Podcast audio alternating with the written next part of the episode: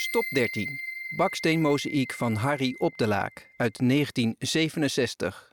Burgemeester de Vluchtlaan 125. Nou, wat je hier ziet is een uh, voorstelling, ook weer een beetje abstract en een beetje figuratief. Dit is weer Klassien Sleebos van de afdeling Monumenten en Archeologie van de gemeente Amsterdam. En het gaat om een spelend kind. En je kan, wat je er ook in kan zien, een kind wat eerst bij moeder op schoot zit, dan zelf aan de slag gaat en uiteindelijk volwassen wordt. De kunstenaar Harry Op de Laak was een veelzijdig mens. Hij was schilder, graficus, textielontwerper, keramist en dus monumentaal kunstenaar. Typische exponent voor, uh, voor wederopbouwkunst, uh, Harry. Rob Loos zegt gewoon Harry, want hij heeft de kunstenaar goed gekend. Ja, ik zeg Harry. Harry was mijn leraar op de Rietveld Academie en later ook nog op de, Rijksacademie. Hij vond altijd je eigen artistieke ontwikkeling het belangrijkste. En uh, tegen mij zei hij van, toen ik voor het eerst met hem kennis maakte en ook de monumentale en versierende kunst richting ging volgen, zo van dat hij aan mij kon zien dat ik dan een monumentaal kunstenaar was of kon worden, omdat hij dan zei van ja, je bent van katholieke huizen. Dus je weet van lijden en bevrijden. Zo. ja. Harry Op de Laak was zelf ook katholiek. En de vele uren die hij doorbracht in bontversierde katholieke kerken zal zijn gevoel voor kleur positief hebben beïnvloed. Of hij had er gewoon talent voor. Hoe dan ook, hij was heel kleurgevoelig, kon heel mooi met blauwe werken en heel mooi met roze werken.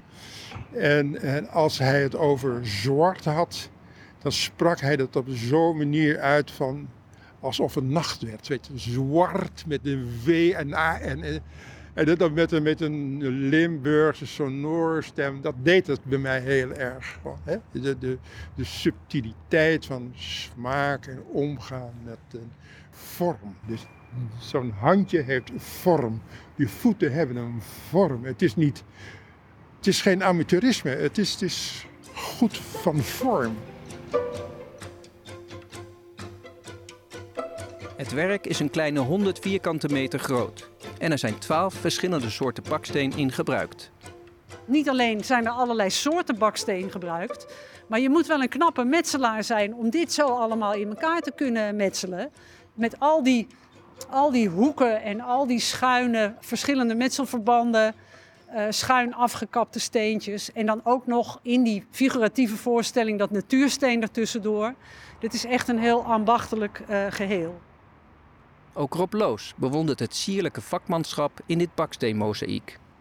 Als je naar haar rechterhand kijkt, voor ons links, hè, dan zie je er komt dus een voeg uit haar hand. En dat loopt door in zo'n klinker, dat gaat nog een keertje door. Dat geeft dan de suggestie dat het een springtouw is, terwijl je dus naar een voeg kijkt. Nou, dat vind ik een hartstikke leuke, leuke vondst. Veel van de monumentale wandkunstenaars hebben gestudeerd aan de Rijksacademie voor Beeldende Kunsten. En de hoogleraar daar heette Heinrich Kampendonk. En die Heinrich Kampendonk zou later dus opgevolgd worden door Harry Op de Laak. Kampendonk, gevlucht uit Nazi-Duitsland, heeft grote invloed gehad op de Nederlandse wandkunst. Want wat vond hij belangrijk? Ten eerste het ambacht. Ten tweede vond hij belangrijk om een soort veilige kunst te maken. Hij zei: Op een muur wordt niet gelachen en niet gehuild. Ook de silhouetten op deze muur geven misschien weinig prijs van hun gevoelsleven. Maar dat betekent niet dat het kunstwerk geen emotie kan oproepen bij de beschouwer. Ja, het is allemaal heel onschuldige kunst, hele veilige kunst. En in de context van de tijd is dat ook echt een reactie op die Tweede Wereldoorlog. Dat we dat echt achter ons willen laten. En dat we echt een nieuwe samenleving willen waar we niet meer bang hoeven te zijn. Klassien wordt er van de weersomstuit een beetje geëmotioneerd van. Helemaal niet gek, want dat eensgezinde optimisme, dat verlangen naar en collectief werken aan een betere toekomst, het staat in schril contrast met de samenleving van nu. Niet tegenstaande al onze verworvenheden, leven we tegenwoordig in een veel hardere maatschappij en in een tijd ook van grote verdeeldheid. Wat een goede manier van samenleven is, lijkt veel minder eenduidig dan 50, 60 jaar geleden. Nou, het was ook heel erg een tijd van idealen. In de toekomst zou alles beter worden en dat werd het ook. Als je nog je kleding op de bon is en je mag maar één paar schoenen per jaar kopen. En je ziet wat er dan 15 à 20 jaar later, wat voor een materiële welvaart er allemaal was. Dan, dan is dat ook uitgekomen. En met die idealen voor ogen zijn deze buurten, deze wijken gebouwd.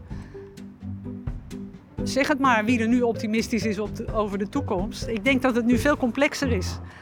En eh, dat er een paar grote problemen ook nog niet opgelost zijn, die we toen niet hadden of niet zagen of niet wilden zien. Het is een gigantisch verschil. Einde van stop 13. Fiets nu naar de hoek van de burgemeester Kramergracht en de burgemeester Roelstraat voor het tegeltableau op de blinde muur van de galerijflat.